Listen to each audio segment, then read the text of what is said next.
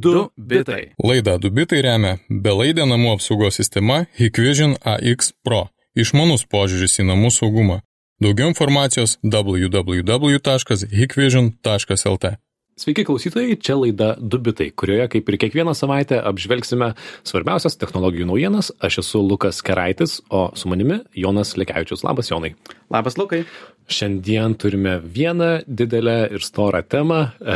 Didelis storas paukštukas. Didelis storas paukštukas, kas matė antraštę jau suprato apie ką mes. Elonas Maskas pagaliau nusipirko Twitterį. Ir, na, pagaliau galime apkalbėti šitą istoriją. Praėjusią savaitę už 4, 44 milijardus dolerių įsigijo Twitterį, socialinį tinklą, kuris turi 230 milijonų naudotojų visame pasaulyje. Paukštelis išlaisvintas, taip žinia, be abejo, tweetų paskelbė naujasis jo vadovas. Jisai pats turi 112 milijonų sekėjų socialinėme tinkle. Dešimtas didžiausias technologijos kompanijos įsigijimas nuo, 2000, nuo 1995 metų. Tad visai nemažas įvykis ir technologijų pasaulyje, bet to, kad, na, socialiai svarbus, svarbus, dalykas.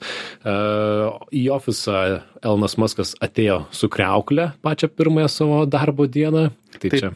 Iliustruodamas savo firminį, niekam nesuprantamą humoro jausmą, aš pabandysiu paaiškinti, kodėl jis nešėsi tą kreuklę. Jisai buvo prieš kelis uh, mėnesius gal papaustinęs tokį memą, kur už durų yra kreuklė ir parašyta let that sink in, ką gali išversti taip, kaip žmonės dažniausiai naudoja šitą frazę, tai yra maždaug aš leisk šitom žiniom susigulėti bet jeigu pažodžiui ir neteisingai perskaitai šitą sakinį, gali suprasti, įleiskite tą kreuklę. Taip. Tai jis pavaidino, jog, o, aš esu kreuklė, kurią reikia įleisti. Let that sink in. Geras juokelis, mane projekino, viskas čia su juo gerai.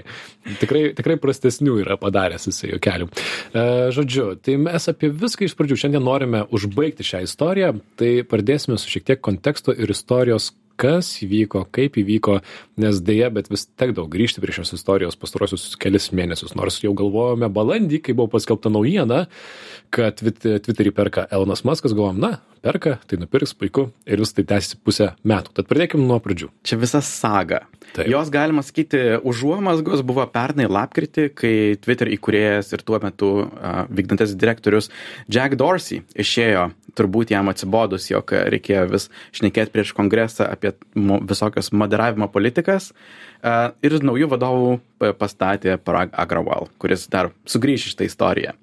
Balandžio ketvirtą dieną šių metų jau Maskas paskelbė, jog įsigijo 9,4 procento Twitter akcijų, Twitter, Twitterio vertė tuomet žiauriai šoko į viršų 25 procentais per dieną, nes visi mane, jog štai Maskas ateis ir sutvarkys Twitterį.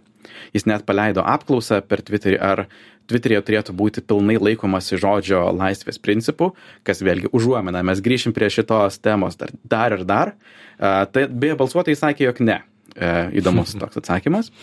Twitter tada pakvietė Maską būti įmonės tarybos nariu, jisai stumdėsi pirmyn atgal ir galiausiai atsisakė. Ir tuomet naujas vadovas Parag Agrawal tokią lemtingą frazę pasakė There will be distractions ahead. Kas išvertus reiškia, šau dar tik prasideda. Bus, žodžiu, e, visokiausių trikdžių ateityje. Balandžio 14 dieną, čia praėjus 10 dienų, Maskas patikė pasiūlymą įsigyti Twitterį už šitus 44 milijardus arba savo stiliukų 54,20 už akciją. Ir akcijos vėl šoko į viršų, tada TED konferencijoje Maskas papasakojo apie savo viziją, kurią nori matyti, jog tai turėtų būti tokia atvira komunikavimo platforma su atviru algoritmu, be botų, kuriuos jis nori panaikinti ir taip toliau. Twitter vėlgi truputį pasistumdė, bet galiausiai sutiko su pirkimo sąlygomis, nes jos buvo labai geros, tiesą sakant. Ir visi nauji, naujienų šaltiniai, tame tarpe ir jūsų mėgstami dubitai, uh, sukūrė laidas ir straipsnius. Štai Maskas įsigijo Twitterį. E, o kad tai būtų taip paprasta. Meskite į mūsų akmenį. Taip, taip, taip dėja. Ir į visą likusią žiniasklaidą. taip. taip Gegužės 13 dieną Maskas pradėjo persigalvoti ir pradėjo tvytinti, nes žinoma, kaip kitaip, jog sandoris laikinai stabdomas ir nebepasitikė Twitterio pateiktą informaciją. Beje, jisai pats atsisakė teisės peržiūrėti Twitterio informaciją prieš pirkdamas tai, negali daug skūstis. Bet e, Liepos 9 dieną oficialiai pateikė raštą Amerikos e, vertybinių e, popierių komisijai, jog visgi nori atsisakyti šito sandorio, nes Twitteris, pasak, melavo apie botų kiekį, tų pačių botų, kuriuos jis norėjo panaikinti iš platformos. Taip, apie netikras paskiras, ar ne, kiek Taip. buvo. Tame, aišku, buvo tiesos, nes iš informacijos, kurią vėliau Twitteris atskleidė, tikrai akivaizdu, jog jie truputį lenkė tiesą, kai kalbėjo apie netikrų paskirų kiekį. Bet visgi tai nebuvo tikroji priežastis, kodėl Maskas taip norėjo pasitraukti iš to sanderio.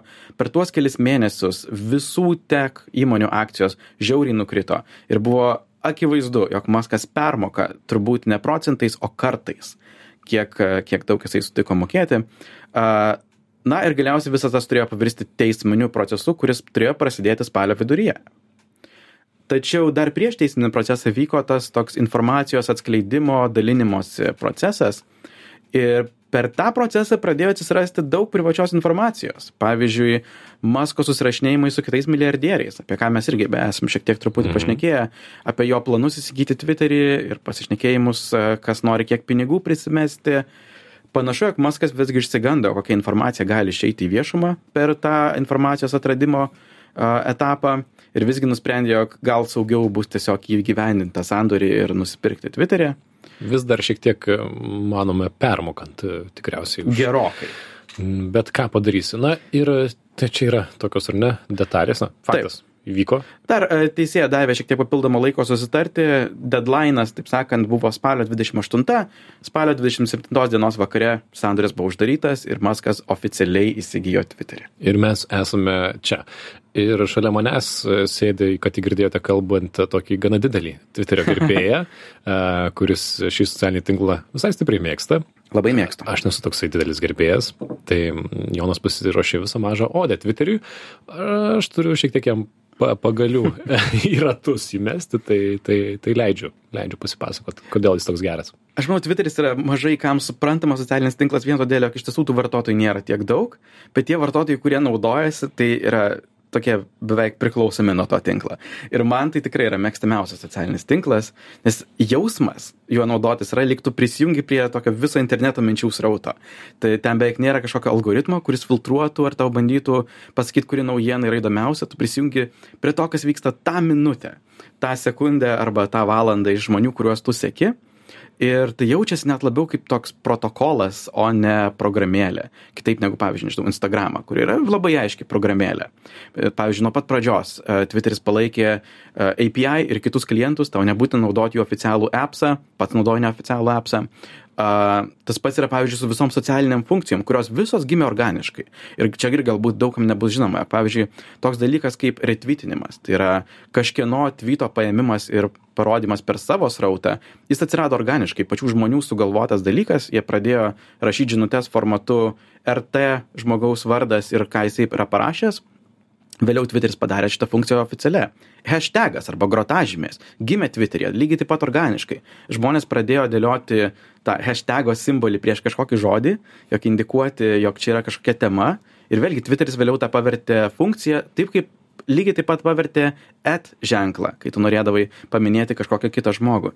Tai visiškai visą laiką buvo toksai protokolas, um, labiau nei kažkokia programėlė ir tie žmonės, vartotojai, kurie naudojasi, jie labai skiriasi nuo kažkokio tokio eilinio interneto vartotojo, kuris uh, naudoja, nežinau, Instagramą, nes jie šiek, seka šimtus ar tūkstančių žmonių, um, seka viską, ką jie rašo ir jie nelaukia, kol kažkas parašys straipsnį, jie sėda į tą interneto minčių srautą ir naršo jį.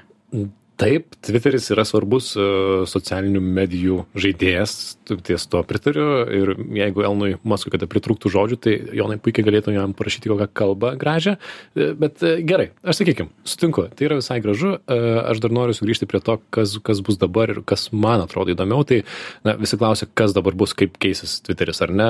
Man įstrigo vienas Elno Masko, vienas šviežių postų, tweetų, ką jisai pasakė apie tai, kaip keisis Twitteris, e, jisai kreipėsi į reklamuotojus ir parašė jums tokį nemažą monologą, kurį aš nepatingėjau išversti. E, tad cituoju. Nusipirkau Twitterį, nes tai ateities civilizacijoms svarbi miesto aikštė, kur įvairių vertybių žmonės gali sveikai diskutuoti. Šiuo metu socialinėms medijoms grėsia didelis pavojus išsišakoti į kraštutinę dešinę ar kairę ir jų aido kambarius, kuriuose bus generuojama dar daugiau neapykantos ir kurie dar labiau skaldys visuomenę Nuolatinis siekis surinkti daugiau klikų paskatino tradicinę mediją linkti link šių polarizuotų ekstremumų, tikint, kad tai atneš pajamas, tačiau darant taip prarandama dialogo galimybė. Štai kodėl nusipirkau Twitter, nedariau tai dėl to, kad tai lengva, nedariau to, kad užsidirbčiau daugiau pinigų, Jonai, paruošk man servetėlę, to į to įverksiu. E, norėjau pagelbėti žmonijai, kurią myliu. Ir darau tai su nuolankumu, suprasdamas, kad nepaisant geriausių ketinimų, labai realu to siekiant stipriai klysti. Ir visgi, Twitteris negali tapti erdvė, kur kiekvienas sako, ką tik nori, be jokių pasiekmių be to kad turime laikytis vietos įstatymų mūsų platforma turi būti svetinga visiems joje turi galėti turi galėti pasirinkti patirtį pagal savo norus taip kaip pavyzdžiui gali rinktis įvairaus pobūdžio ir skirtingai brandai tai yra suaugusiems arba vaikams skirtus filmus ar žaidimus. Tad e, pasislink jėzau kristau į šalį ateina elonas maskas ir visus mus išgelbės. Jūs visi ėriukai e, nekaltieji. Aš manau, yra svarbu suprasti visą tą kontekstą, kodėl jis taiga nori kalbėti būtent e, kreipdamasis į reklamos pirkėjus, nes Twitteris visą laiką, per visą savo egzistenciją turėjo tokį didžiulį kontrastą tarp politinės ir kultūrinės įtakos versus pinigų, kuriuos jis sugeba sugeneruoti iš reklamos ir savo vartotojų. Tai tokia visa uh, posūkių pilna istorija su penkiais skirtingais vadovais, kurie perėjo visai bandydami atrasti tą kažkokį receptą, kaip padaryti Twitterį pelningą kompaniją, nes jisai be kiekvienais metais yra tiesiog praradęs pinigus, degina pinigus. Taip. Buvo tik du pelningi metai per visą laiką. Per pastarosius dešimt. Taip. Ir tie visi dalykai jie susiję būtent su tais vartotojais, kokius jie turi. Tai yra, e, jie ir labai iš karto atrado tą kažkokį klikinimą su žmonėm, kurie nori tiesiai iššokti visą informaciją bet nerado kaip visgi pardavinėti reklamas taip, kaip pavyzdžiui tą receptą surado Facebookas ar Instagramas. Ir neranda ir panašu, kad dar kurį laiką neras, nes, na, aš ką pastebėjau tiek laiko sekdamas Elnamas, pirmiausia, kad tai, kai jis kalba, yra viskas labai stipriai dramatizuota. Įdomu, kad jisai e, eigoje proceso Twitter pirkimo mėto idėjas, pačias keiščiausias, kontroversiškas, tiesiog o jeigu tą, o jeigu na. Mhm. Ir kartais, na, kas mažiau įseka, tai jis galvoja, kad, o, jis čia tikrai tai primtai ir padarys. Tai tikrai ne, jis mėto labai kontroversiškas idėjas, tiesiog, kad palaikytų diskusiją apie bet ką. Bet šitame jo kreipimas į, į reklamdų vis, na, buvo paminėta viena mano nuomonė pavojinga ir kiek keista idėja, tai yra vos nepasiūlyti skirtingas patirtis Twitter'e. Tai yra pasirinkti labiau, re, re, labiau moderuojamą Twitter'į arba mažiau re, re, moderuojamą Twitter'į, kas realybėje greičiausiai vėlgi nebus įgyvendinta, bus dar kitaip. Bet, na, buvo, pavyzdžiui, pavyzdžiui maskas retvitinęs vieto vieno naudotojo pasiūlymą. Galbūt platforma galėtų turėti žaidėjas versus žaidėjas mhm. žaidėjo režimą kaip kompiuteriniuose žaidimuose kur galėtum įsitraukti į tokį debatą vienas su kitu. Arba e, rolių e, keitimosi režimą kuriame diskusija bemaž ne, nemoderuojama. Tad šią akimirką tai toks yra na graib, graibimas oro kas, kas, kas, kas, bus, kas bus ar nebus. Metė idėją kad galbūt uh, twitteriui reikia tarybos, panašiai tokios, mhm. kurią dabar turi Facebookas, esam kalbėję apie tai taip pat anksčiau, tarsi tarsi na parlamentas kuris gali ginčyti bylas ir panašiai bet tiesą pasakius feisbuke tai jie tai įkūrė bet šią akimirką apie tai apie tai mažai ką girdime. Tad mano spėjimas ir trumpuoju laikotarpiu tviteris patirs na galbūt pagerės nes yra tokių dalykų kuriuos galima greitai imti ir taisyti ir tai yra paprasčiau kai turi vieną stiprų žmogų kuris turi didelę galią ir žodį tai padaryti bet ilguoju atveju vis tiek bus nemažai twitter iššūkių apie kuriuos galime dabar ir pakalbėti. Mhm žinių radijo klausytojam trumpai priminsiu kad girdite laidą du bitai joje aptariame svarbiausias savaitės technologijų naujienas ir dabar na tęsiame vis dar apie tviterio įsigijimą. Elonas muskas pagaliau pagaliau pagaliau jis nusipirko tą tviterį brangiai ir bandome suprasti kas iš to. Čia buvo labai daug konteksto apie visą tą tviterio priešistorę kas iš tiesų yra tviteris a kaip visa šita saga ėjo per paskutinius mėnesius. Iš tiesų vien per tris dienas per kurias e, kol kas mes žinome kas nutiko po to įsigijimo jau sąrašas dalykų ką maskas padarė yra labai netrumpas. Tą pačią dieną turbūt tą pačią valandą kai tik pasirašė dokumentus jog jis jam priklauso tviteris jisai atleido tuo metu vykdomąjį direktorių paragą graual finansinį direktorių net sagal ir manau įdomiausia yra moderavimo viršininką vidžai gadė kuris e, buvo atsakingas už būtent moderavimo politikas.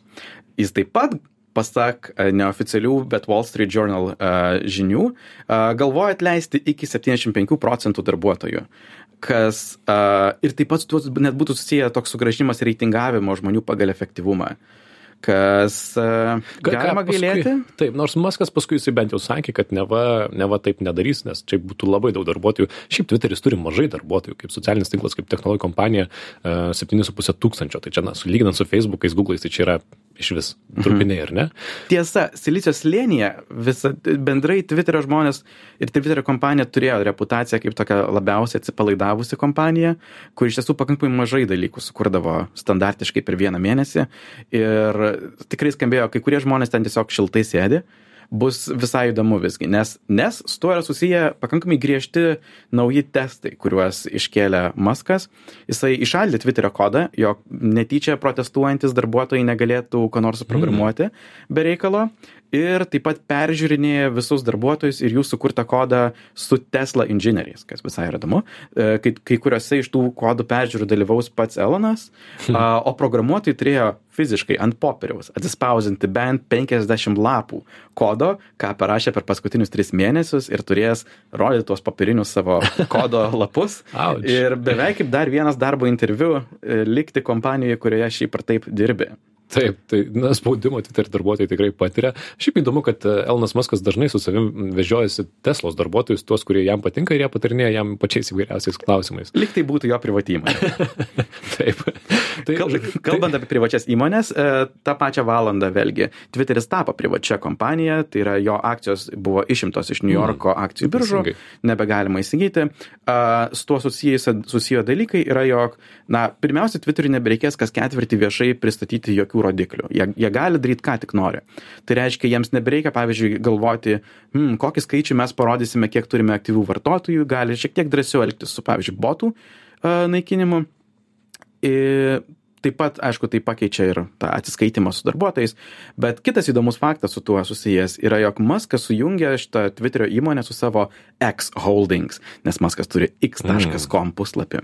Ir jau tweetino apie tai, jog x.com galbūt pataptų tokiu everything app, panašiai kaip WhatsApp e galima ir kripėją užsisakyti, ir banko sąskaitą sumokėti.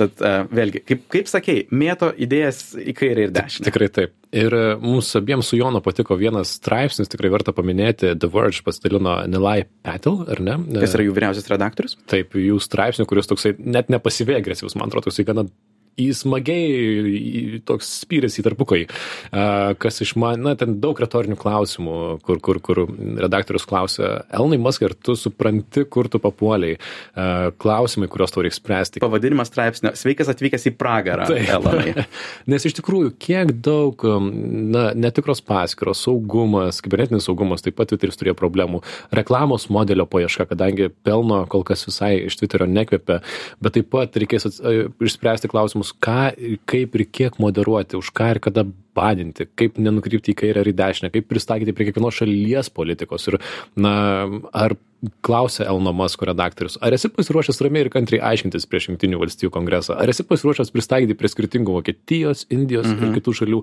saviraiškos įstatymo, vidurinių rytų politikos spaudimo, disidentų atžvilgių, kai Kinija spaus tave moderuoti Twitterį taip, kad nenukentėtų ten esantis didelis tavo Tesla verslas. Tad Žodžiu, tikrai, e, sveikas atvykas į pragarą, pats jį nusipirkai. Aha. Ir jis tikrai atidarė tą taip vadinamą kirminų skardinę, kur e, šakės kiek daug dalykų pradės lysti iš viso to. Nes viena tai būtent jis yra silpnoji grandis tiek daug visų šitų jungčių, kur jis turi politinį e, jungti tiek vat, su Kinija, jis nori, jog e, jo prekės būtų perkamos visur, bet staiga tai tam pasvertas e, kitų šalių, kurios gali pradėti juo manipuliuoti. Jis taip pat jau pasakė, jog panaikins tuos viso gyvenimo uždraudimus, kurie, pavyzdžiui, yra uždėti Donaldui Trumpui, tai žmonės pradeda galvoti, hm, galbūt jis tą sugražins. Kas yra vėlgi toks didžiulis įlipimas į politinę balą, kur bus jam taip sunku tiesiog išlikti verslininku ir tiesiog gaminti raketas ir mašinas, jis turės būti atsakingas už visą šitą moderavimo peklą. Taip, aš tai, jeigu man reikėtų spėti, kur, vis, kur na iš tą istoriją, na, aš manau, vėlgi pasikartosiu, kad tikrai buvau permokytas už tų pirkinių e, ir įdomu, kaip ilgal, ilgalaikėje perspektyvoje. Ar tai nebus Elno Masko, kuris yra genialus verslininkas, padaręs genialių sustarimų pabaigos pradžia, nes, na, labai ambicingas pirkinys, kuris, kuris sukels jam daug galvos skausmo. Tuo pačiu šitas Twitterio visa saga yra puikus vadinamasis Zeitgeistas, tai yra laiko dvasia, kur yra proga visiems pakalbėti, kokiame pasaulyje norime gyventi, su kokiamis taisyklėmis, nes Elonas Muskas įsivaizduoja, kad jisai labai gerai žino, kaip sumoderuoti tą, ar net turgaus aikštę, kur visi mhm. kalbasi. Nors tiesą pasakius, tai juk niekas gerai nežino, ką reikėtų daryti, kad tas turgus susikalbėtų ir ten įėjus tą Twitterį turi jaustumės kaip vaikštai ir ten aplinkui gėlytės kvepia ir, ir visi draugiški ir, ir viskas visiems gerai. Ir svarbiausia, nėra idealių sprendimų, nes vienas sprendimas yra idealus idealistams, kurie nori neutralaus protokolo, kur gali viską pasirinkti, sakyti, ką tik nori. Kitka, pavyzdžiui, yra tai, ko nori reklamos užsakovai, kurie nori matyti savo reklamas tik tai prie saugaus turinio. Ir negali patenkinti visų, ir Maskas turės pasirinkti visgi tai, kieno nori labiausiai klausyti. Taip, tad uh, išleidome tikriausiai gazą šitoje temoje, ar ne? dar, dar, kad šiek tiek nurimtume, uh, turime vieną naujieną, kiek iš kitos temos, bet visai svarbi naujiena, kurią noriu su jumis, su jumis pasidalinti. Tai nuo 2035-ųjų Europos Sąjungoje nebebus parduodami automobiliai su vidaus degimo varikliais. Ta Europos parlamento ir Europos vadovų taryba susitarė praėjusią savaitę e, nebebus bus draudžiama parduoti lengvuosius automobilius ir lengvuosius sunkvežimius, e, na, bus draudžiama juos gaminti Sąjungoje. Tad iš esmės nuo tų metų benzininiai ir dizeliniai automobiliai nebebus pardavinėję Europos Sąjungoje. Nykstančia rūšimi. Taip. Šiuo metu apie 12 procentų automobilių Europoje yra elektriniai, o jų išmetamosios dujos taip pat sudaro apie 12 procentų visų anglės dioksido emisijų. Bendrai transportas ketvirtadalį ar trečdalį ir Europa, priminsiu, siekia iki 50 metų tapti klimatui neutralių žemynų. E, visi pasakė šią temą. Greenpeace sako, neambicinga, reikėjo uždrausti bent jau nuo 28-ųjų aš visai pasidomėjau, kaipgi kitur pasaulyje, kas ką uždraudinėja, mes kars nuo karto pranešam, tai Kinija, pavyzdžiui, turi mažiau ambicingą planą, jie planuoja 35 metais, kad pusė jų automobilių būtų elektriniai, hybridai arba varomi vandeniliu. Tuo tarpu Kalifornija ir Australija į ES panašų sprendimą priėmė dar praėjusiais metais. Jie taip pat nuo 35-ųjų žada, žada drausti vidaus degimo variklius. Šiek tiek priekyje yra Junktinė karalystė, kurie draus nuo 2030-ųjų, tad penkeriais metais anksčiau, o hybridus taip pat nuo 35-ųjų. Įdomus faktas, kad buvęs premjeras Johnsonas, Borisas Johnsonas per savo vadovavimo laikotarpį sugebėjo šitą datą patrumpinti kelis kartus, kai jis atėjo vadovauti, buvo 2040-ieji data, kada nebeliks vidaus degimo variklių. Tuomet sugebėjo sumažinti į 35-ųjų ir tuomet dar kartelį iki 30-ųjų, tad per 20 metų. Tad galima sakyti, kai yra politinė valia, tai galima viską padaryti. Lyderiauja Norvegija, kurioje dabar jau elektromobilių yra labai daug, ji draus vidaus degimo variklius nuo 25 metų. Tad štai e, tokia nepozityvia nata, kadangi jungtinės tautos nesnei pranešė, pasaulis jung, juda link 2,5 ar 2,8 laipsnių Celsijaus pakilimo iki šimtmečio pabaigos, skaičiuojant nuo postindustrinio laikotarpio, tai yra tikrai ne tas skaičius 1,5 laipsnio, apie kurį mes kalbame ir kurio mes siekiame. Uh, auč, auč, bet sakykim, pasidžiaugime bent jau tokia maža naujiena. Tik su Jonu apsitarėme, kad kažkada galbūt paimsime didesnę temą apie savaigius automobilius, mhm. ne? gal net ir apie elektromobilius pakalbėsim. Spėjau, nemažai mūsų besiklausančių vairuoja, galės pasisvarstyti, ką, ką jie vairuoja ir kaip jie vairuoja. Jo, žinai, su tom ambicijom, tai vėlgi, aišku, Greenpeace, e, jie nebus patenkinti turbūt beveik jokių skaičiumi, taip, jie norės, kad būtų daugmaž vakar mhm. uždrausti visi šitie dalykai, taip. bet aišku, turbūt politikų tikslas yra parinkti tokį skaičių, iki kurio šiaip ar taip savaime rinka jau būtų beveik nusistačiusi ir uh, susiformavus. Nes kai žiūrint apie naujus gaminamus automobilių modelius, tai šiaip jau beveik visi pradeda darytis vien tik tai naujus elektromobilius le leisti, tad labai gali būti, jog iki 35 net turbūt bus ir sunku įsigyti tą naują uh, dinozaurų sprokstančių uh, automobilį. Tad uh, pažiūrėsime. Mėgstamas Jono pasakymas, kad kas vairuoja ten elektromobilius, tai jūs tiesiog sprogdinate išnykusius dinozaurus per savo uh, dujų vamzdžius. Na, bet tas žaidimas vyksta iš abiejų pusių, ar ne? Vienas spaudžia, kiti pristaiko. Tad tiek, mes kaip visada galėtume dar plėpėti ir plėpėti, bet sugrįšime kitą savaitę jau su kitomis naujienomis. Nuorodos į epizode minėtus šaltinius rasite mūsų svetainėje dubitai.com. Mus galima klausytis kaip visada kur tik jums norisi tinklalaidės per Spotify ir kitas tinklalaidžių programėlės. Laidų įrašai taip pat yra ir žinių radijos svetainės žiniųradijas.lt. Čia buvome, buvome mes, Lukas Kraitis, Jonas Tekevičius ir laida Dubitai. Iki kitos savaitės, iki kitų naujienų. Čiau.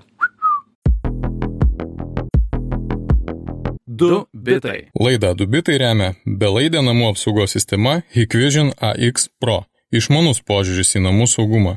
Daugiau informacijos www.hikvision.lt.